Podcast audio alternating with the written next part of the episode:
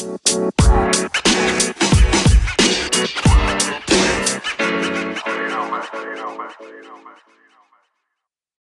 Oyun Planı Podcast'in 39. bölümünde sizlerle birlikteyiz. Bugün de Barbaros'la birlikteyim. Et Oyun Planı Pod hesaplarını Instagram, Twitter ve Facebook üzerinden takip edebilirsiniz. Yeni bölümümüze hoş geldiniz diyelim efendim. Ee, öncelikle bildiğiniz gibi geçtiğimiz bölümlerde de verdik haberlerini zaten. NBA'in e, yakın zamanda bir dönüşü söz konusu ama son günlerde özellikle bugün çıkan haberlerde son bir saattir çıkan haberlerde biraz sanki bir nasıl diyeyim sallanma oluyor gibi.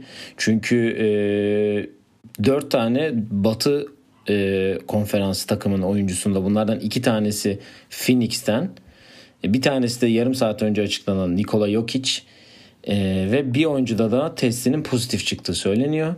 Aynı zamanda tabii geçen bölümde senin de bahsettiğin bir e, ırkçılık e, konusuyla alakalı da e, oyuncuların bazılarının oynamama bazılarının e, e, nasıl diyeyim odağın başka yere gideceği de söyleniyor. Onun için e, biraz hani böyle yüzde 70'e 30'a falan geldi gibi oynama şeyi. E, ben öncelikle hemen haberleri vereyim genel haberleri. Demin de söyledim yok için testi pozitif çıktı. Ee, onun için Amerika'ya dönüşü Sırbistan'dan ertelendi ki yok içle alakalı şöyle bir şey var. Bu sabahta Novak Djokovic e, Sırp tenisçinin pozitif çıktı ve geçtiğimiz hafta aynı eventte yer almışlar. Ee, başka haberlerimiz Trevor Ariza oğlunun oğlundan dolayı hani oğluyla bir ay vakit geçirmesi gerektiğinden dolayı e, Orlando'ya gitmeyecek. Kelly Oubre sakatlığından dolayı Orlando'ya gitmeyecek. Lou Williams'ın da %50 %50 olduğu söyleniyor. Aynı zamanda Bertans da Washington'la Orlando'da olmayacak sakatlanmama için. Çünkü Washington çok bir şansı herhalde görmüyor kendisi. Bir de önümüzdeki sene free agent olacak. Bu arada free agentlarla alakalı da bazı tarihler e, ortaya çıktı. Sen de biliyorsun zaten. Genelde bu işleri sen iyi takip edersin. E, Ekim gibi haber vermeleri gerekiyormuş oyuncuların. Ve tabii bugün de bir nasıl diyeyim transfer hani Orlando için yapılacak bir transfer dönemi tarzı bir şey açıldı. Burada da DeMarcus Cousins şansını denemek istediğini söylemiş. Şansını denememek. Yani oynamayacağını açıkladı. Ama oynayacak diye de bir şey gördüm ben demin. Yo ben son bölümde bir daha sakatlıktan dönmek istemiyorum. Şu an hani 8 maç oynayıp bir daha sakatlanmamak için oynamak istemiyorum. Peki. Demiş diye gördüm ben. Ben e, haber e, aldığım yeri değiştireyim o zaman. Yanlış oluyor çünkü belli ki. e, bir transfer haberi madem transfer dedik. Cleveland Drummond'ın option'ını kullanıp önümüzdeki sene de onlarla olacağını söylemiş. Troy Weaver Pistons'ın genel menajerliğine getirildi. Ee, başka yani New York e, Jason Kidd'le bir görüşme gerçekleştirdik. Bunun için Lakers'tan izin aldılar. Ve aynı zamanda da e, nasıl diyeyim oyunculara bir e, Orlando'daki maçlar boyunca bir yüzük verilecekmiş galiba. Yüzük ya da bileklik tarzı bir şey ki oyuncuların sağlık rekorlarını takip edebilmek için. Bir de tracking device diye biraz dalga geçmişler. Ee, öyle bir haber de çıktı. Yani bir sürü senaryo var. O olacak, bu olacak, şu olacak ama base'de bekliyoruz. Şu an bu pozitif vakaların artmasından dolayı biraz e, oyuncular da sanki ne bileyim e, pek yaklaşmıyor gibi düşünüyorum ben. Sen neler düşünüyorsun?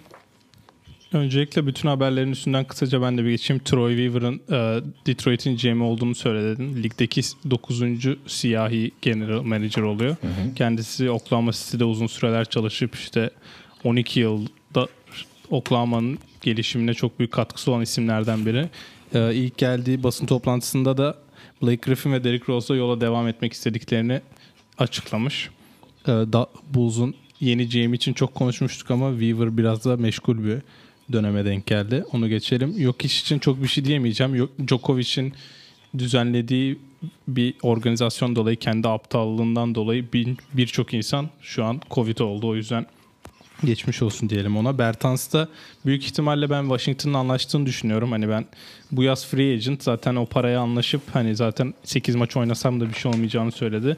Bu arada Woj'un çok önemli bir tweet'i vardı bugün. Playoff'a kalma şansı az olan takımların sanıyorum San Antonio, Phoenix, Washington diye tahmin ediyorum. Bu üç takımın özellikle. Bu 8 maçlık dönemi ve training camp'i biraz Summer League gibi göreceğini ve genç oyunculara daha çok süre vereceğini, veteranların da çok az oynayacağını belirttiği bir tweet'i var. Öyle bir şey olursa zaten NBA'in çok istediğine kavuşamayacağını düşünüyorum ben. Hı hı. Ve takımlar da zaten oyuncuların sakatlık yaşamasını istemiyor ki sakatlık konusuna gelince yani futbolu görüyoruz. Premier Lig başladı, Süper Lig başladı neredeyse her maç bir tane sakatlık oluyor küçük olsa bile ve büyük sakatlık sayısı da çok oldu. Evet ya hem ligimizde yani, hem şeyde yani, çok büyük sakatlıklar oldu. Özellikle yani yani örnek biraz kötü olacak Arsenal maçından ama mesela Şaka'nın sakatlığı bir idman yapılsa bile maç temposu olmadığı için Şaka 5. dakikada bir top çarpmasından dolayı ayağı tekliyor ve büyük bir sakatlık yaşıyor. Yani bu şanssızlık olabilir ama hani oyuncuların da fiziksel durumun belirtisi bence bu yani ki bu baskette daha da temas ve fiziksel yüklenme olduğunu düşünürsen futboldan daha kısa süreliğine ben sakatlık için biraz risk olduğunu düşünüyorum. Yüzüğe geldiğinde de Gerald Green'in çok güzel bir tweet'i vardı. Ee, ben bir yüzük yüzünden parmağımı kaybettim. Allah'tan orada değilim ki benim yüzük takmam zorunda kalmayacağım demiş. Kendisi de acısını paylaşmış diyelim Aynen. bizle. O da koronavirüsü semptomlarını %90'a kadar anlayabilen bir yüzükmüş. Nasıl bir şey anlamadım ama. Yani bir tracking device olarak da oyuncular sanki oyuncuları takip etme falan filan tarzı. Ve oyuncuların nereye gittiğini öğrenebilecekmişiz herhalde sensörlerle falan diye düşünüyorum ki Florida'da da koronavirüs sayıları inanılmaz derecede artmaya başladı. NBA'in yakında bir karar vermesi gerekecek diye düşünüyorum. Evet yani zaten bildiğin gibi geçtiğimiz haftalarda geçen programın başında da sen de bahsettin bu ırkçılık konusunda olan e, olaylardan dolayı da artması bekleniyordu zaten. Oraya doğru da bir nasıl diyeyim bir kayış vardı hani Kyrie'nin özellikle bu konuyla ilgili yorumları üstüne Kyrie'nin ya Kyrie beni yormaya başladı. Oyuncu olarak değil ama bazı gerçekten açıklamaları yormaya başladı ciddi anlamda. Yok kendi ligimizi kuralım. Yok öyle bir şey yapalım. Öyle bir şey dememiş aslında. Bunu Taylor Rooks'a söyledi. Oyuncularla yapılan mesajlarda böyle bir şey asla demedim ve o, o tweet ortaya çıktığı andan sonra Kyrie gruptan ayrılmış. Biri herhalde orada Kyrie'nin adını lekelemek için böyle bir şey yaptığı söyleniyor. Ki Kyrie'nin de ben her oyuncunun Kyrie'yi sevdiğini düşünmüyorum. Yani çok zor sevilen bir kişilik belli ki. Onun için ya beni de yormaya başladı. Biraz basketbol oynamaya devam ederse kendisini daha çok sevebiliriz diyelim. E, ve son haber e, bu ırkçılık konusuyla alakalı Natasha Cloud yani Washington Mystics oyuncusu geçen senenin şampiyonu biliyorsunuz. Natasha Cloud bu sene Women NBA'de oynamayacağını açıkladı. Bu da e, bir tepki olarak oynamayacağını açıkladığını söyledi. Sen de görmüşsündür zaten. Sen de düşünüyorsun ki NBA'deki bazı oyuncuların da e, bu konuyla ilgili düşünceleri vardı. Kendisi de e, böyle bir karar almış. Ve geçen gün Washington'da Zaten... çok büyük bir de yürüyüş yaptı. Hem Mystics oyuncuları hem de Washington oyuncuları. Bradley Beal olsun, John Wall olsun hepsi oradaydı. E, bir tepki gösterdiler yani. Natasha Cloud da ben bu şartlar altında oynayamam dedi. Sen ne düşünüyorsun bu evet, konuda? Evet zaten Women NBA bu konuda hani o da çok yakın sürede başlayacak. Şu an NBA kadar çok hani belki takip edilmiyor ama oyuncular da Women NBA ile bir anlaşma sağlamaya çok yakınmış. Formaların arkasına kendi isimleri yerine bu ırkçılıktan dolayı polis tarafından öldürülen siyahi insanların adlarını yazdırmak için öyle bir özel izin almışlar diye.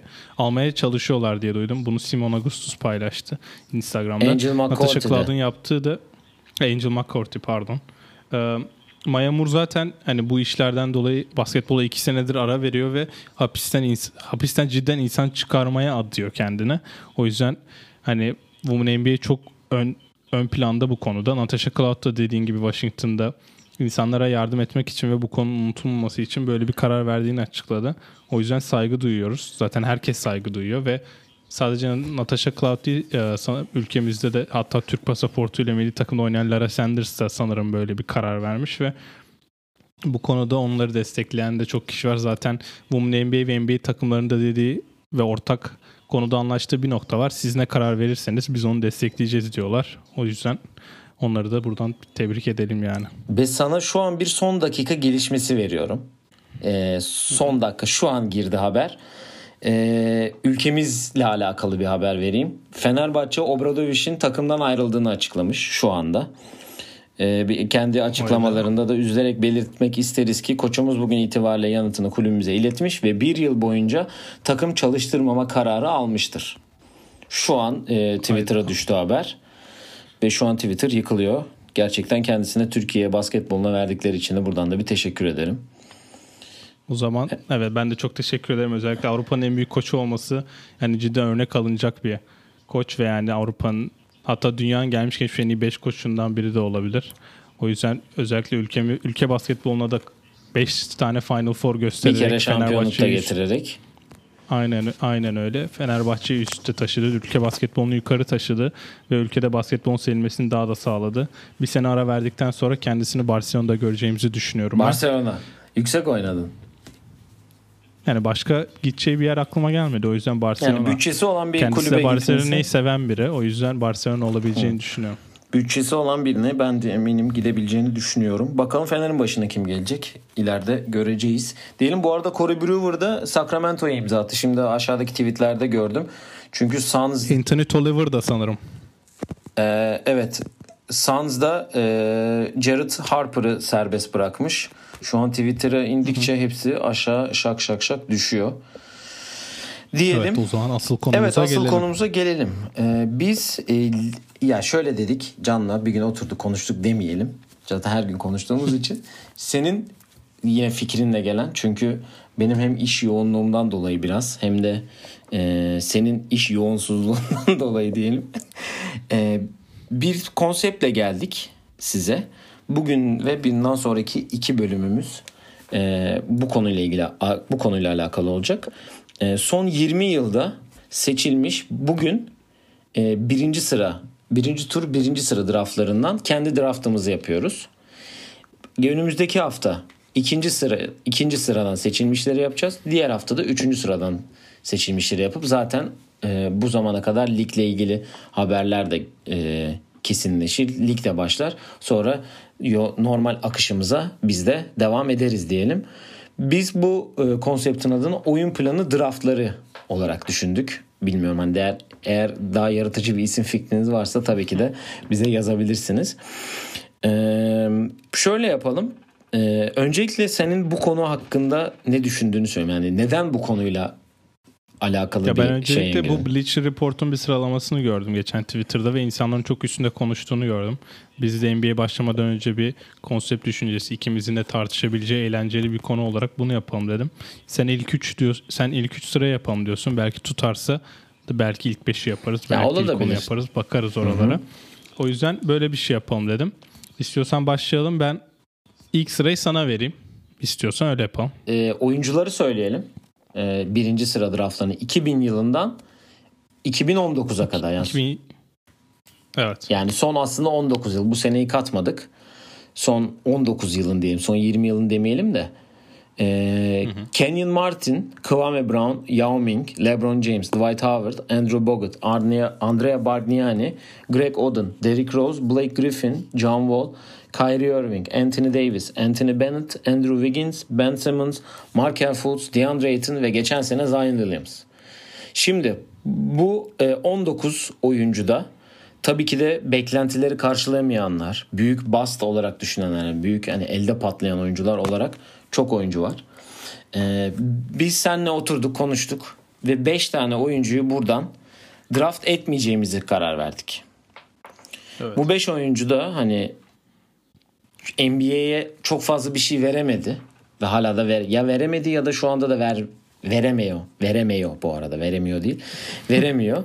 Ondan e, o 5 kişiyi söyleyeyim. Kwame Brown, Andrea Bargnani, Anthony Bennett, Greg Oden ve ben DeAndre Ayton'u yazmak istiyorum. Çünkü potansiyeline bir türlü yaklaşamıyor. Bir türlü şey yapamıyor ve bu 15'in arasına girebileceğini ben düşünmüyorum. Diyeyim. Ben de sana katılıyorum bu konuda. Evet. Geri kalan 15 oyuncudan bir draft yapıyoruz şimdi. Ve ben hem büyük olduğum için ilk sırayı sana veriyorum. büyük Tabii ki olduğum zaten için. belli. e, ve hem de konunun da yani ilk sıradan kimi seçeceğimiz de belli olduğu için ve büyük de bir hayran olduğum için tabii ki de ilk draftımız Buraya bir draft e, şeyi koyabilir miyiz e, kaydı yaparken? Böyle hani draft şey var Adam Silver çıkarken. Lütfen. Bir kaydı şey yaparken koyarsak sevinirim. Tam başlıyorum ben şimdi. Evet. İlk sıra LeBron James'e gidiyor tabii ki de. E, son 19 yılın diyelim. Tabii ki de en önemli seçimi olduğunu düşündüğüm için ve buna katılmayacak kimsenin de olmadığını düşündüğüm için birinci sırayı tabii ki de ona veriyorum. Ee, bu, bu arada bunların hepsi first pick yani birinci tur birinci sıra olduğu için bu oyuncular yaptık. Tabii ki de aşağıda Kobe olsun başkaları olsun bir sürü oyuncu. Kobe yok pardon ama hani başka oyuncular da var bir sürü Durant olsun e, Steph olsun, Westbrook olsun, Harden olsun bir sürü oyuncu var. Onlar da ilerleyen bölümlerde zaten sizin karşınızda olacaktır. E, ben LeBron'u seçtim. Senin buna bir itirazın olduğunu düşünmüyorum. Ya zaten çok tartışacak bir şey yok. Hani LeBron NBA tarihinde herhangi bir draftta ya bir ya ikinci sıradan gidecek oyuncu olduğu için bu draftta da açık ara bir numara. Yani zaten daha neler yapıyor. Senle de son konuştuğumuz gibi ben artık geçmişine değil biraz geleceğini merak ediyorum. Eğer hala 4-5 sezon oynayabilecekse 20 sayı ortalama civarında geçebilecekse 40 bin sayıya ulaşacak. İnanılmaz bir olay bu. Ve Lebron'u ilk dediğin zaman Lebron nasıl basketbolcu dediğin zaman abi çok sayı atıyordu da demeyeceğim bir oyuncu. Hı hı. O yüzden inanılmaz bir olay olacağını düşünüyorum. Eğer 40 bin sayı ulaşırsa ki oğlunu beklerse ulaşabileceğini düşünüyorum ben. Ki bu draftın da açık ara bir numarası. Diyelim ve iki numaraya geçiyorum iki numaraya geçiyorsun. Ben Şimdi çok yakın draftlar olduğu için biraz potansiyeli de içeri katmak zorundayız. Hı hı. Ben potansiyelden hani biraz alt sıralarda bunun zaten tartışmasını ikimiz de yaparız ama ben iki numaradan Anthony Davis seçeceğim. Ee, 7 All-Star ve 3 kere All-NBA First Team ve şu anda da ligin en iyi takımının bir buçuk numaralı opsiyonu. Hı hı. LeBron aynı takım olmasından dolayı. Ee, çok playoff başarısı yok. Belki hiçbir zaman böyle inanılmaz bir süperstar olup takımını yukarıya taşıyamadı. Warriors'ın iyi dönemlerine denk geldi. Sakatlık sıkıntıları yaşadı.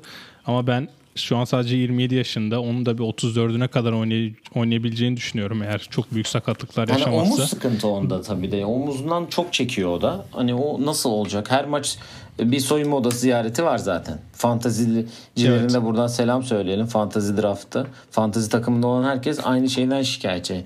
Yani her maçta bir, bir iki kere soyunma odasına gidiyor. Ya bir de e, oyunu da biraz geliştirdiğini düşünüyorum ben. Özellikle yani şut atmaya inanılmaz başladı. Özellikle Lakers'e geldiğinden beri. Hı hı. Ve hani sayı opsiyon olarak bir numara oldu. Ve bundan sonra LeBron'u da taşıyabilecek bir oyuncu olabileceğini düşünüyorum. O yüzden iki numaradan ben Anthony Davis çekiyorum. Yani ben de iki numaraya onu yazmışım zaten burada. Kendi 15'imde. Ee, ve çünkü şöyle bir şey var. Ee, LeBron'un bundan önce de Lakers konuştuğumuzda zaten söyledik. LeBron'un kariyeri boyunca en iyi oynadığı 5 numara. Hani Shaq'le oynadı evet ama bir prime Shaq'le oynamadı. Ama bir prime Anthony Davis'le oynuyor mu sence? Oynuyor. Şu an prime'ını prime'ı üstünde gidiyor çünkü. Evet. Evet. E, o zaman ben kendi üçüncü e, sıra draftıma geçeyim. Ben hani demin salladım arkasından e, kişisel olarak olduğu sıkıntılarını söyledim. Beni yorduğunu söyledim ama oyuncu olarak tabii ki de bu draftta ben Kyrie Irving'i 3'ten seçmezsem ona haksızlık etmiş olurum. O da yani şu anda 28 yaşında e, ve 28 yaşına kadar kazanmadığı şu an hiçbir şey yok.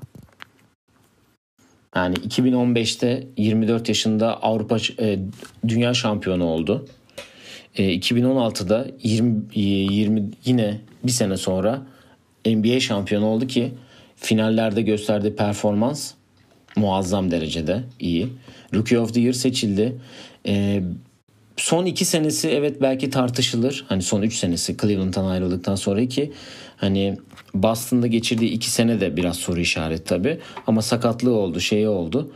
Ben hani bu draftta 3'ten Kyrie'yi seçmezsek kariyerine haksızlık edeceğimizi düşünüyorum. Evet yani ben ne yalan söyleyeyim Kyrie'yi dördüncü sıraya yazmıştım. Nedenini de birazdan açıklayacağım kendi seçimi yaptığımda ama senin dediklerine dolayı yani biraz winner olması benim benim için en büyük eksi Kyrie'nin LeBron gelene kadar Cleveland'ın hiçbir zaman tepeye oynayamaması ve belki etrafında kurulan kadrodan dolayı da sıkıntılar yaşadı ama LeBron'la birlikte 15-16 15'te belki sakatlanmasa arka arka iki şampiyonluk yaşayabilecek bir durumdaydı. 2017'de de bence 2017'de o Cleveland dönemin en iyi takımı olduğunu düşünüyorum ben. Sadece NBA tarihinin en iyi takımına karşı oynadıkları için finallerde 4-1 ile mağlup oldular ama o 2017 takımında Kyrie inanılmaz formdaydı. Boston'da sıkıntılar yaşadı. Özellikle Kyrie'nin en büyük sıkıntısı bence kendisi takımda yokken o takımın hala üst seviyede oynayabiliyor olması ki bu ona ben çok büyük eksi yazdığını düşünüyorum.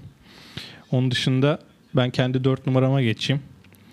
Ben dördüncü sıradan Dwight Howard'ı seçiyorum çünkü ben onu 3'e yazmıştım en başta. Wow. Demin Entin Dav- ben en, demin Entin Davis'te söylediğim gibi 27 yaşında 7 All-Star 3 All-NBA First Team demiştim Entin Davis için. Dwight Howard 27 yaşına geldiğinde yaptıkları 8 kere All-Star, 3 kere yılın en iyi savunmacısı ve 5 kere yılın 5 kere All-NBA First Team olmuş. Hepsi de arka arkaya. Yani ne demek bu? Kendi pozisyonun 5 sene arka arkaya en iyi oyuncusu.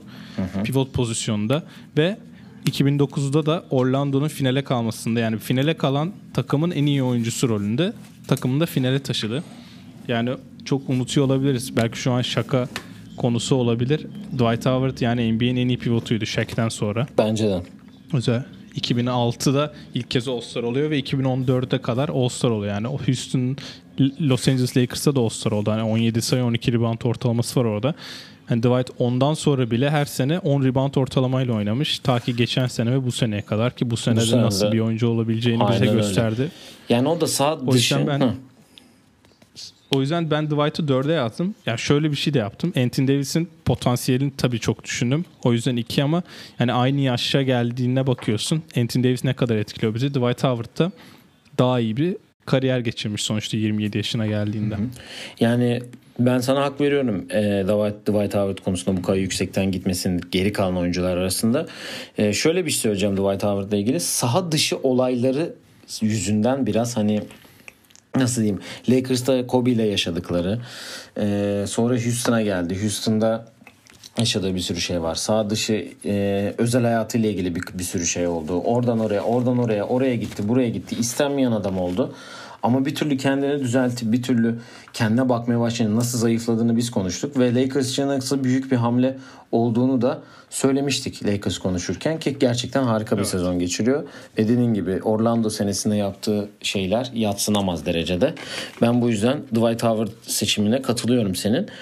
Dördüncü sıraya geleyim o zaman. Ee, ben 4'ten 5. sıra. 5 değil mi? Pardon. Ben kaydı gitti bende şu an. Şu 1 2 3 4 yazayım ki bende şey olsun. Ben 5. sıradan yani şöyle diyeceğim. Ee, daha henüz bir şey görmemiş olabiliriz. Ama görebildiğimiz kadar bence e, yukarıda olabileceğine inandığım Zion Williamson'ı seçeceğim. Oo. Yani çok hype'landı. Yani gerçekten de oynadığı süre boyunca diyeyim iyi işler yaptı. Na inanıyorum ben. Bize potansiyelini gerçekten gösterdi. Eğer bir sakatlık yaşamaz ise kariyeri boyunca böyle devam etmeyi süre, ettiği sürece çok başarılı olabileceğine inanıyorum. Tamamen bunu potansiyelden dolayı yaptım yani. Yoksa aşağıda kalan oyunculara tamamen saygım kesinlikle sonsuz. Yani iki kişi hariç. Ee, yani diğer 5 kişiye de ayırdığımız 4 kişi 5 kişiye saygım da onlara da var ama iki tanesine yok. Onlar da büyük ihtimal inşallah ben seçmem. O gelince söyleyeceğim ama hangileri. Ee, Zion'ı seçiyorum. Ben NBA'ye çok şey verebileceğine inanıyorum. Ona güveniyorum diyeyim. Çünkü e, şimdi nasıl bir şimdi burada yoklar. E, olmayacaklar da. Yani olabileceklerine inanmıyorum ben yani. Playoff'a kalabileceklerine sen inanıyor musun? Yok. Yani. Ee, ama e, ileride bize çok şey verebileceğine inanıyorum diyeyim. Ya ben de senin gibi düşündüm. Ben Zion'ı çok aşağıya yani çok aşağı dediğim ben sana söyleyeyim direkt. Ben Zion'ı 10'a yazmışım. Bayağı aşağı yazmışsın. Çünkü- Teşekkürler. Evet aşağı yazdım. Çünkü e, nasıl diyeyim hani e, tamam potansiyeli inanılmaz bir oyuncu. Ve neler yapabileceğini bize kısa sürede gösterdi. Bence bu arada ona çok yardımcı oldu. Sakatlığın tamamen geçmesinden dolayı ama yani inanılmaz bir hype de var senin dediğin gibi. Sadece çok az gördüğümüz için ben onu aşağı sıralara yazdım. Yoksa potansiyel olarak burada bence kariyerini belki hani kişi bireysel olarak Kyrie'nin önünde bitirme ihtimalinin de çok yüksek olduğunu düşünüyorum ben. O yüzden hani ilk üçte bitirebilir. Kariyerini bu mesela 15 yıl sonra buna baktığımızda belki Kyrie 2'den ay yok Zion 2'den bile gidebilir. Anthony Davis'in üstüne bile bitirebilir. O yüzden sana o konuda katılıyorum. Ben sadece az olduğu için gör yani oyunu oynayışını az gördüğümüz için biraz aşağı yazmıştım. Ve 6. sıraya 5 gelelim. numara Evet 6. sıraya gelince şimdi ben 5'e yazdığım kişi altından seçiyorum. Hı hı. Onu da sadece Prime'ından dolayı ben Derrick Rose'u yazıyorum Aynen buraya. öyle. Kesinlikle. Derrick Rose'u seçmek için aslında çok yani kendi kendime çok düşündüm. Ee, özellikle on ben bu adam buraya hak etmiyor. Ben bir kere Derrick Rose'a inanılmaz bir hater'dım. Özellikle Cleveland'ı bıraktıktan sonra kişisel nedenlerden dolayı işte basketbolda bu kadar para kazanmış, bu kadar emek sarf edip önemli yerlere gelmiş bir oyuncunun nasıl bir anda böyle LeBron'la aynı takımda yani finale kalacak takımın kadrosunda olup ben basketbola küstüm deyip ayrılmasına anlam veremediğim için Ki sen Derrick Rose'u seven bir oluşmuştu. e, o kişiydin. Aynen öyle. Ben Derrick Rose'u da bayağı seviyordum Derrick Rose Chicago Sonra. New York'ta da bir ayrılışı var. bir askeri ayrılışı var. Ee, özel uçakla evine gitmesi tarzı hikayeleri oldu ama bu son günlerde işte Derrick Rose highlightlarına baktım. Bu konu konuşacağımız belli onda 2012 playofflarını da izlemeye başladım. en Sakatlandığım maçı MVP izledim. o- olmuştu diye hatırlıyorum. Öyle bir şey olması Evet lazım. 10-11'de zaten ligin en genç MVP'si. Belki de ligin MVP'si olup Hall of Fame olamayacak tek oyuncu büyük ihtimalle. Ve 12 playofflarını izlemeye başladığımda Derrick Rose'un sadece bir crossover'la Drew Holiday'in yanından çok rahat geçtiğini ve işte fiziksel olarak neler yapabildiğini gördük. Belki hiç sakatlanmasa Derrick Rose, Russell Westbrook inanılmaz bir çekişme olacakken Russell Westbrook şu an ligin MVP'si ve en iyi 10 guard, en iyi 5 guard'dan bir tanesi. Ve Hall of Fame bile olabilecek. Derrick Rose'u buradan seçiyorum ancak yani lockout'tan önceki 60 lockout senesi oluyor bu sakatlık. Bence sakatlığın belirgisi de 66 maçın sadece 39'unda oynayabilmesi ve kariyerinde en çok oynayabildiği maç bu sakatlıktan sonra 66 maç, 64 maç ve 51 maç. Hı hı. Yani ben yani sen kimi seçeceğini söyle ben ona göre onun hakkında biraz da Derrick Rose'a bir bağlantı yapacağım. O yüzden sırayı sana bırakıyorum. Ben şöyle Derrick Rose'la alakalı şunu söyleyeceğim. Ben de Derrick Rose'u seçecektim eğer sen almasaydın. Benim de e, sırada o vardı zaten. Ama sonradan attım hani senin söylediklerinden önce düşündüğüm şeyler oldu. E, ya Derrick Rose Chicago'nun resmen yeni umuduydu. Muazzam girdi lige. Patlayıcı kuvveti dönemin en iyi patlayıcı kuvvetiydi ki yaptığı smaçlar olsun e, şeyler olsun çok iyi e, bir performans sergiledi. MVP oldu. Gerçekten kendinden bahsettirmeye başladı ve Chicago'nun ihtiyacı olan süperstardı. Yani ki Simian'dan da çıkmış biri yani. Simian'dan çıkıp Memphis'te okuyup Memphis'ten dönüp işte tekrar Chicago draft edilmesi ki çok çok güzel çok iyi de bir playoff run'ı da var yani sakatlıktan döndükten sonra hatırla Jimmy Butler'la oynadığı 2015 olması lazım. Değil mi? Cleveland'da Cleveland'la oynadıkları sene. Çok iyi de bir tak 2010 ilk final. e, LeBron'ların kaybettiği ilk final evet 2015. Evet, 2015. O sene bile kafa kafaya oynadılar yani ve Derrick Rose ciddi Evet. işler yaptı orada. Ben e, tabii ki bu psikolojik olarak yaşadığı buhran dönemi diyeyim. Hem sakatlığı hem böyle büyük bir potansiyelin bu kadar düştükten sonra çok üstüne gidilmesi. Gerçekten hani e, psikolojik anlamda çok büyük baskı olan oldu bence üstüne. Sakatlıktan döndü dönemedi bir daha sakatlandı. Bir daha şey. Geçen e, sefer attığı 50 sayıdan sonra bile oturup ağlayan biri yani. Şimdi gayet hayatına bir royuna sokmuş şekilde ilerliyor biraz. Çünkü Detroit'te iyi bir sezon geçiyor. Geçen sene Minnesota'da iyi bir sezon geçirdi. Tekrar şimdi Detroit'te tutmak istiyor. Sen de yayının başına bahsettin. İnşallah iyiye gider. Yani Derrick Rose'un başarılı olmasını ben isterim. Çünkü dönemin yani bizim e, dönemimizin en önemli yıldızlarından biriydi. Ama dediğin gibi belki yani Hall of Fame olamayacak be- bence. E, Russell Westbrook'la aynı anda konuşulurken Russell Westbrook onun 10 adım belki de önünde yani şu anda. Ee, benim sonraki seçimim e, John Wall olacak. Ee, neden diye soracaksın. Ee, Evet neden? ya o kadar adam varken neden mi peki? evet. Yani John Wall yani Derrick Rose'a şöyle benzetiyorum. Derrick Rose'un MVP olamamış hali. Bence. O da Washington'a seçiliyor. Kariyeri boyunca hep Washington'da. Şimdi son iki senede sakatlığıyla uğraşıyor belki. Ama Bradley Beal'la Washington'da neler yapabildiklerini geçtiğimiz dönemlerde çok göstermiş bir oyuncu bence. Saha dışı olarak problemi ben pek hatırlamıyorum yani. Yok diye biliyorum hatta. Sadece sakatlığından dolayı bazı problemleri var. Ben sevdiğim için, benim sevdiğim tarzda bir oyuncu olduğu için ve Washington'a bir nasıl diyeyim doğuda her zaman ilk 8'e yazabileceğim bir yerde olduğu için bu isimler arasında John Wall'u seçiyorum diyeyim. Ya beni şaşırttın. ne yalan söyleyeyim. Zion'dan daha çok şaşırdım buna. Neden? Şimdi Zion 5'ten gitti ama potansiyelen Wall neredeyse olmuş bir oyuncu. 7'den gitti. Benim 6. sıradaki adamım hala duruyor. Çok uzatmayacağım. O yüzden Blake Griffin direkt çekiyorum ben burada. Teşekkürler. Çok sağ ol beni bu şeyden kurtardığın için. Blake Griffin'i de seçmemin nedeni Derrick Rose ile arasında çok düşündüm cidden Blake Griffin. Hı hı. Ee, Derrick Rose'un MVP olması tabii ki ağır bastı ama baktığın zaman Derrick Rose'un 3 All-Star'ı var. Blake Griffin 6 All-Star'ı 3 kere All-NBA Second Team 2 kere de All-NBA 4 Team'i var. Yani sakatlık sadece ilk senesinde yaşıyor. Ve kariyer ortalamaları 21 sayı 8 rebound 5 asist ki son dönemlerin en iyi pasör uzunlarından bir tanesi oluyor kendisi ki oyunda geliştiriyor. Daha kariyeri de sona ermedi. Evet çok sakatlıklar yaşıyor. Ve zaten bu sezonda mesela sakat geçirdi ama bundan sonra gidecek kişinin de hayatı sadece sakatlık, kariyeri sakatlıktan dolayı sona erdiği için Blake'i 7'den 6'ya çektim. Yani biz Blake'in en iyi günlerini gördük. Belki bir franchise'ın geri dönüşüm geri dönüşüm değil, belki de doğmasını sağladı. Çünkü Clippers hiçbir zaman başarılı olan bir takım değildi. Ve en büyük şeyi yani Lakers'a yaklaştırması bile Clippers'ı bence inanılmaz bir olay oldu. Clippers'ın bugünlerde nerelere geldiğini görüyoruz. Yani bir belgesel çekilecekse atıyorum. İşte Clippers şampiyon olduğunda.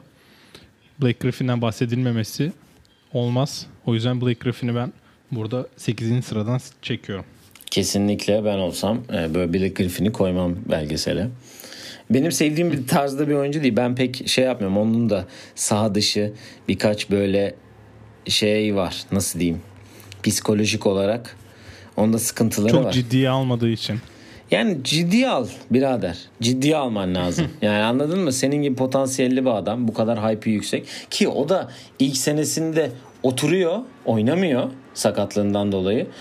Dönüyor ve böyle bir jumper bir adam. Ne bileyim ya biraz ciddiye al birader ne bileyim. Yani ben ondan seçmedim. Ee, 9'a geliyorum. Ee, ya şimdi burada çok aradayım. Niye diye soracaksın. Çünkü ben e, şimdi sevmediğim birini draft edeceğim. Ee, ama duygusal bakmayacağım. Tamamen bir NBA GM'i olarak sıfır duygusal biliyorsun onlar. Öyle bir yorumda gideceğim. Ee, potansiyel dedik, ee, genç dedik, o dedik, bu dedik. Ya ben sevmiyorum, sen de biliyorsun. Şut atamayan NBA oyuncusu artık günümüzde yok yani. Bu yüzden sen anladın kimi seçeceğim. Ben Simmons'ı seçiyorum Evet. ben.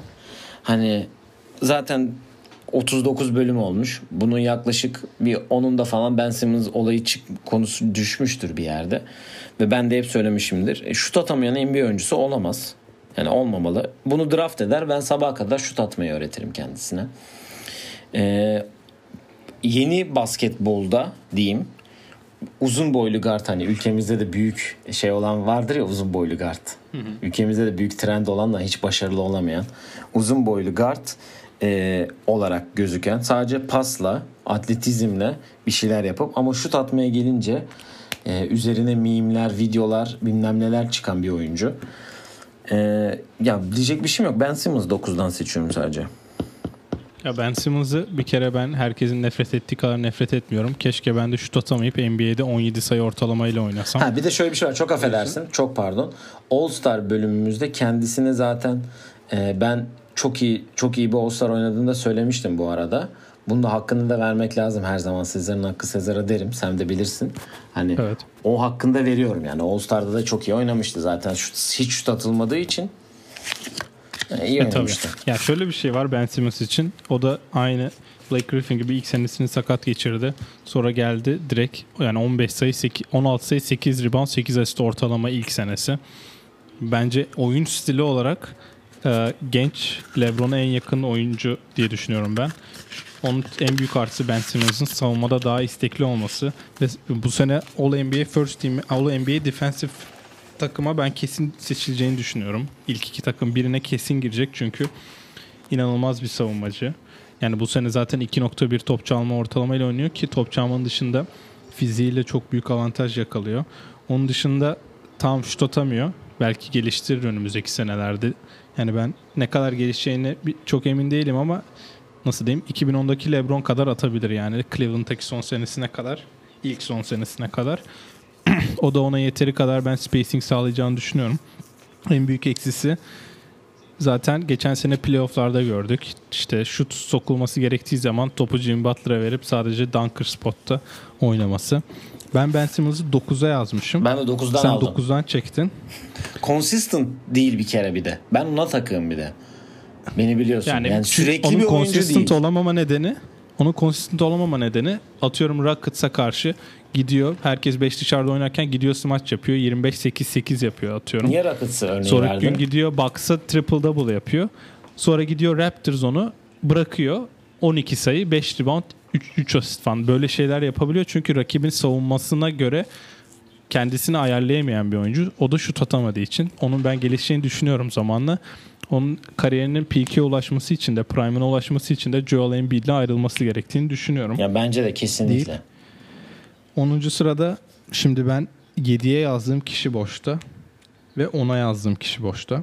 Ben karar vermen lazım. Hadi bakalım. Evet ya potansiyelle gideceğim ya da olmuş biriyle gideceğim.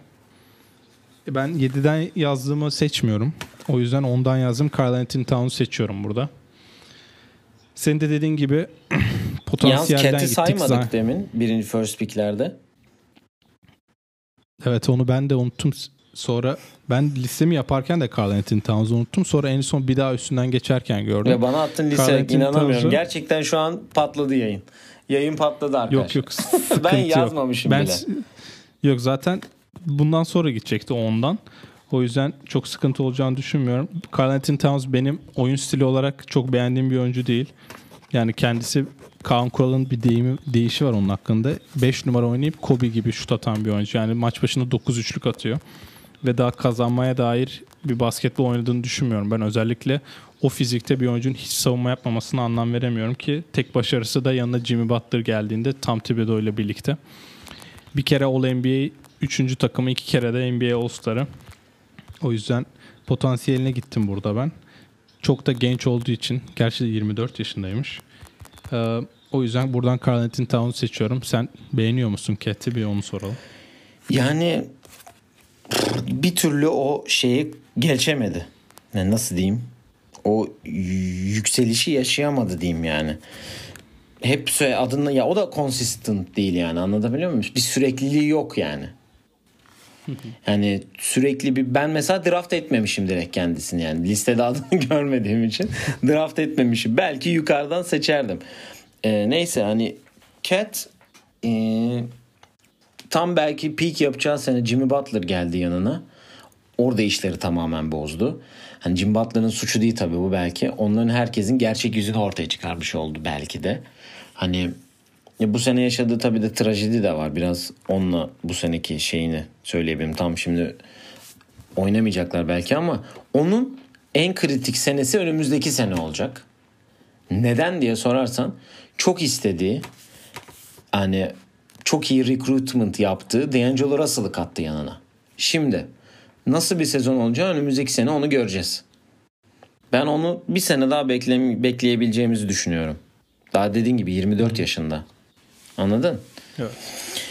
Diyelim ondan şu keti seçtin onu da ekleyelim. Vay be. Eksik bilgi ha. Eyvallah. evet 11. Şimdi buradan sonrası yokuş aşağı. Hani 11'den sonra bizim lottery picklerimiz bitti. 10'a kadar. Bence aslında değil. Ee, Bir ben kişi daha var unuttuğumuz. ya Andrew Wiggins'i ben seçmeyeceğim. Sen seçmek istiyorsan alabilirsin. İstersen trade yapalım bir sonraki draft pickini. Yani ben Andrew Bu peki istiyorsan ben alırım. yani Andrew Çünkü Wiggins'i alacaksan vereceğim. Yok.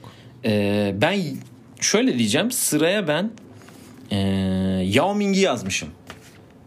Evet. Neden diye soracaksın. Ee, Aslında sormayacağım. Yao Ming bende 7. kişi çünkü. ha işte yani çünkü Yao nasıl diyeyim? Ee, Houston'ın 21 yaşında draft ettiği 7-6 boyunda Çin'den bir oyuncu. Houston tarafından emekli edilmiş forması.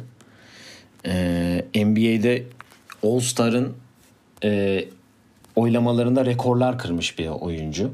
Hani evet verdiği de çok şey de var. Basketbola tabii ki de belki. Ama bence buradan gidebileceğine inanıyorum ben.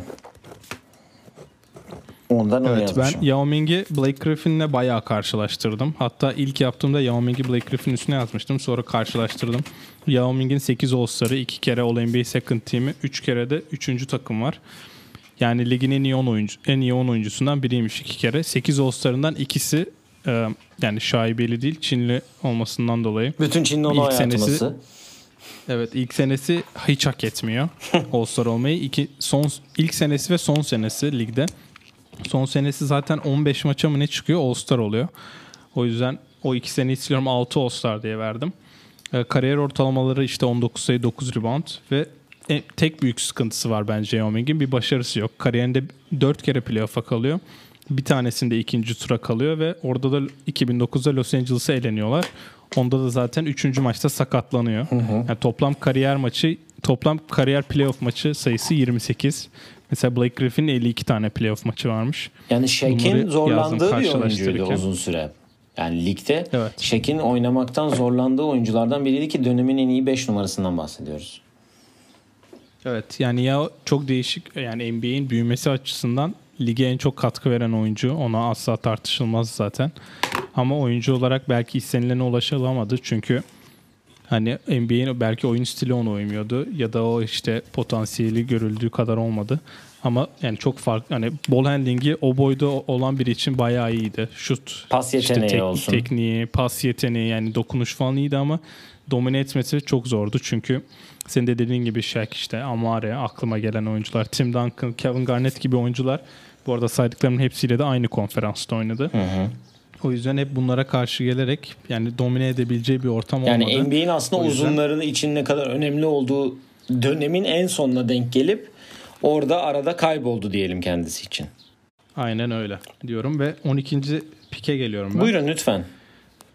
Ee, şimdi sırada kalan 4 ismi okuyorum. Kenny Martin, Markel Fultz, Andrew Wiggins, Andrew Bogut. Andrew Bogut'un kariyeri, NBA kariyeri bitti sayıyorum. Markel Fultz ve Andrew Wiggins'in de hiçbir zaman All-Star olamayacağını düşündüğüm için ben 12. sıradan Kenny Martin'i Ah seçiyorum. be ben alacaktım ya. Bir kere All-Star oldu. NBA finallerine kalan takımın en iyi ikinci oyuncusu. Hatta iki kere final oynadı. Nets yanlış hatırlamıyorsam. NBA finallerine kalan takımın en iyi ikinci ya da üçüncü oyuncusu olarak Jason Kidd'in yanında çok ekmek yedi. Kariyer ortalamaları 12 sayı 7 rebound. Kenny Martin diyorum. Sağ dışında değişik bir kişilikti. Sağ içinde de değişik bir kişilikti. Ama demin Yao Ming için saydığımız kişilerle aynı dönemde aynı pozisyonu oynaması tabii ki büyük şanssızlık. Ama şu an olsa belki şut atmayı bilebilse PJ Tucker rolünde inanılmaz bir oyuncu da olabilirdi. Yani atletizmine hayran olduğum ki benim de çok sevdiğim bir oyuncuydu biliyorsun zamanında oynadığı böyle dönemde. Hani Jason Kidd'le oynaması muazzam bir şans. Nasıl Steve Nash Amare için büyük bir şanssa tam tersi Amare Steve Nash için hani işte anladın sen cümleyi kuramadım. Evet. Aynı şekilde Jason Kidd de e, Jason Kidd de onun için çok büyük bir şanstı. Havaya atıyordu. Baba patlatıyordu içine. Panyadan alıyordu atıyordu. Gerçekten inanılmaz bir atletizmi var. Ben onu seçmiştim zaten hemen Yav'dan sonra. E, madem öyle söyledin ben e, 12'ye geçiyorum ve diyorum ki 13. 13 pardon tekrar söyleyemedim. 13 seçiyorum ve Markel Fultz diyorum ben. Neden diye sorarsan eğer potansiyelden dolayı tamamen. Ee, yani onunla, onunla anlam veremediğimiz bir omuz sakatlığı oldu. Ve bu omuz sakatlığı gerçekten şutunu tamamen bitirdi ki Washington Üniversitesi'nin muazzam skoru yani inanılmaz sayıları vardı sen de biliyorsun ve acayip şütördü bir oyuncuydu o zaman. Bir omuz sakatlığı şutun mekaniğinin tamamen bozulması çok enteresan bir şekilde. Önce bir garip böyle bir şutu bir şey falan. Philadelphia'da tamamen hibe edilmiş birkaç sene. Şimdi de Orlando'da büyük işler yapmaya başlıyor. Atletizmi de biraz daha geliştirmiş öyle gördüm. Çünkü hem bir Lakers maçı var ki çok iyi oynadı. Bir 20 sayı civarında attığı bir Lakers maçı var.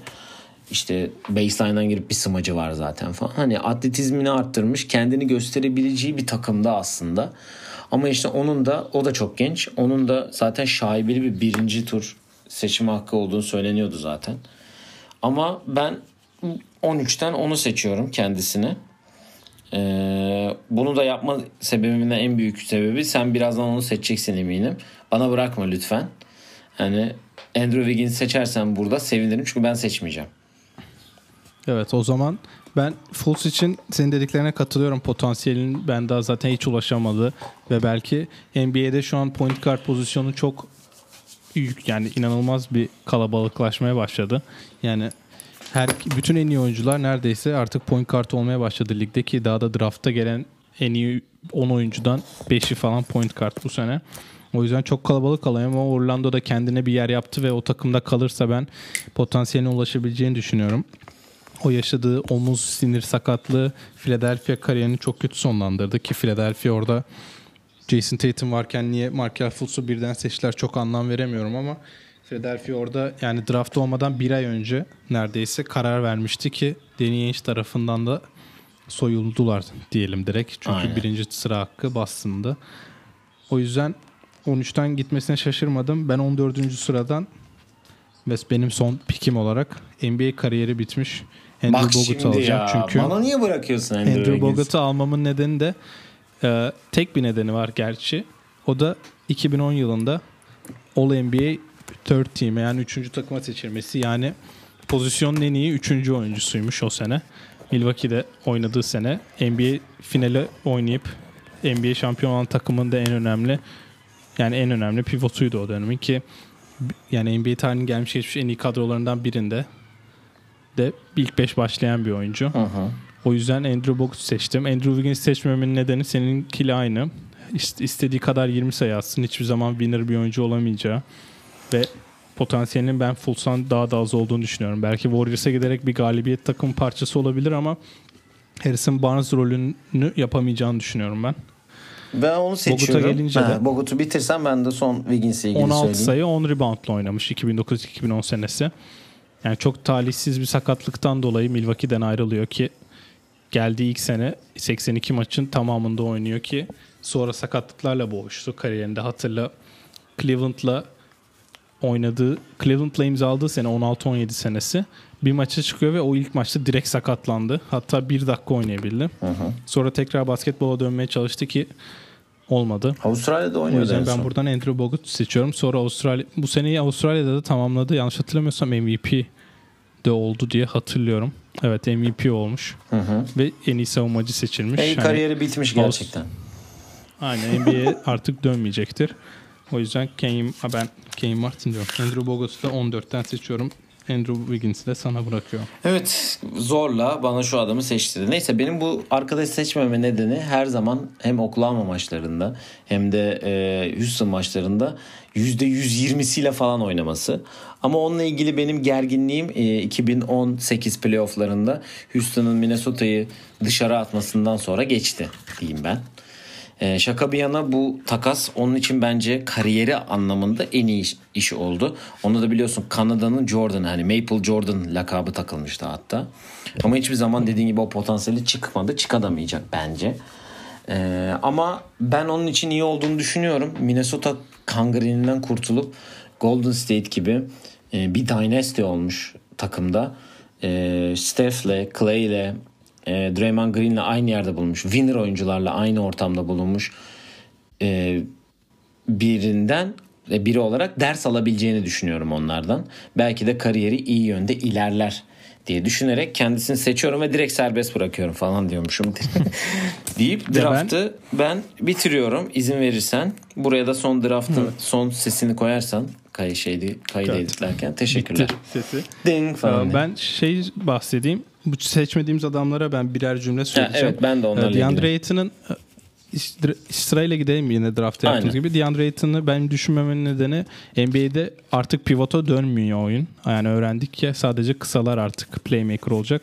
Ve pivotu iyi olan oyuncular yani çok iyi pivotunun olması inanılmaz bir katkı sağlamıyor sana.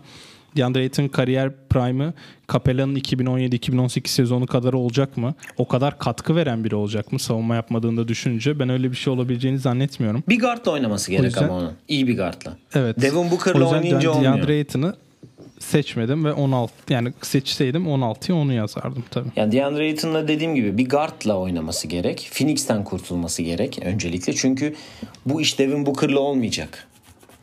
Evet. Rubio ile oluyor mu? Yani bu sene biraz iyiydi ama Ya ben işte, yani ama işte kazanan takımda 25 maç. olmayacağını düşünüyorum her zaman. Yani aldığı 25 maç ceza da var bu arada biliyorsun. Biraz benim seçimim Evet, aslında de onun da etkisi. lekeledi zaten. Evet o da onun da etkisi var tabii ki de. Ee, ilk evet, benim seçmememde. Ama iyi bir guardla oynarsa eğer yani bu 10 atıyorum 10 kişilik bir şampiyon kadroda 9 ya da 10. olabilecek yerde yani. Ya bir Varejao belki olur. Mi? Mesela gömüyormuşum. DeAndre Ayton niye bu kadar gömdüm bilmiyorum ama Evet olsun. Diyelim ben de o zaman direkt e, burada Greg Oden'a geçeyim. Yani söyleyecek hiçbir şey yok. Tamamen sakatlıktan dolayı. Portland'ın acemiliğinden dolayı burada gitti. Yoksa Kevin Durant'i almayıp nasıl diyeyim Greg Oden'ı seçti Portland ve kariyer tamamen ki Portland'ın bu başına ikinci kez geliyor biliyorsun. Ya Greg Oden en büyük sıkıntısı ben 2020'de birinci sıradan gitse belki NBA'de domine edebilecek bir oyuncu potansiyelindeyken işte o sene gittiğinde en büyük sıkıntısının bütün takımlarında söylediği gibi e, bir, bir bacağının diğer bacağından daha ince olması ve Portland sağlıkçıların hiçbir zaman buna bir çözüm bulamadığından dolayı bu sakatlıklarını düzeltemediğini de söyleniyor. Ki yani ben bast olarak cidden kabul etmiyorum Greg Oden'ı bu arada. Ki Ohio İnsanlar yani çok State'i dalga geçiyor kendisiyle. yani. Hatırlıyorsan belki Aynen. Ohio State'de muazzam bir sezon geçirdi yani. Aynen öyle. NBA'de sadece yani cidden sakatlığından dolayı oynayamadı ve sadece 105 maça çıkmış. O yüzden yani ben Greg Oden'ı ben yani Ohio State'te yaptıklarından dolayı çok beğeniyordum ama ne yazık ki bir şanssızlık yaşadı. Ondan sonra Bargnani var. Bargnani çok şanssız bir oyuncu. Gittiği takımlardan dolayı işte Ve çok büyük bir Chris Bosh sürpriz onun varken seçilmesi. niye aynı pozisyona birinci sıradan Bargnani'nin seçildiğini de Toronto'ya sormak lazım Ya tabii onun ki. oradan seçilmesi çok büyük bir sürpriz bir de yani.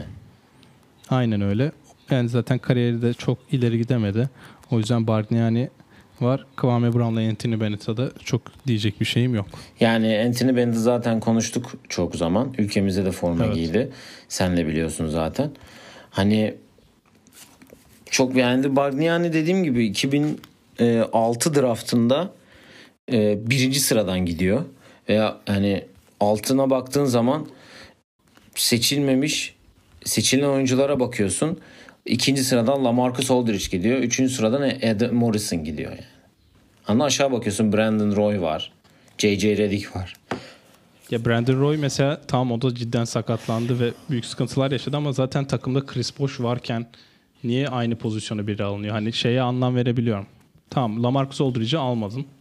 Hani sonra altında Brandon Roy var. Rudy Gay de o zaman sevilen oyunculardan. Ya da takas edebilirsin yani birinci sıradan. Eğer kesin bir numara yoksa bu draftta ki, Ki yok açık gerçekten yok. Şu an ben yok. baktım 2006 draftına hani Kyle Lowry, Paul Millsap, Rudy Gay dediğin gibi, J.J. Redick, e, bir Rajon numara gidecek Rondo, oyuncu değil yani. PJ Tucker, Jordan Farmer, Sergio Rodriguez falan var yani o derece. Aynen öyle. O yüzden hani Toronto burada bir hata yaptı. Ama yani sonuçta onu alarak biraz da Avrupa şeyine girerek herhalde Toronto'yu sen de biliyorsun o hani Evet. şeyinden dolayı. Ee, bu arada hem Toronto hem Avrupa deyince Marc Gasol'u gördün mü? Evet inanılmaz kilo vermiş. İnanılmaz bir şey olmuş gerçekten. Biri şey yazmış. 2020 Defensive Player of the Year. evet. İnşallah. Bakalım yani ben de Anthony Bennett'la Kevin Brown'la diyecek bir şey yok. Ee, aynı al birini vur ötekine ikisi de. Yani hiçbir faydası olmayan iki tane adam NBA'ye. Diyelim. Ee, var mı eklemek istediğin herhangi bir şey? Yok bence keyifli oldu. Evet. Önümüzdeki bölümde de Önümüzdeki ikinci sırayı bölümde, konuşacağız. evet. Ne olur senden tek ricam e, doğru listeyi bulup yollarsak sevinirim. Yani bu e, bilgi e, bölümümüz biraz bu konuda sıkıntı yaşamış. Buradan sizden bütün dinleyicilerimizden özür dileriz. Diyelim. E, et oyun planı pod Twitter ve Instagram adresinden bizleri takip edebilir. Sorularınızı yollayabilirsiniz. Biz dinlediğiniz için teşekkür ederiz. Hoşçakalın. Hoşçakalın.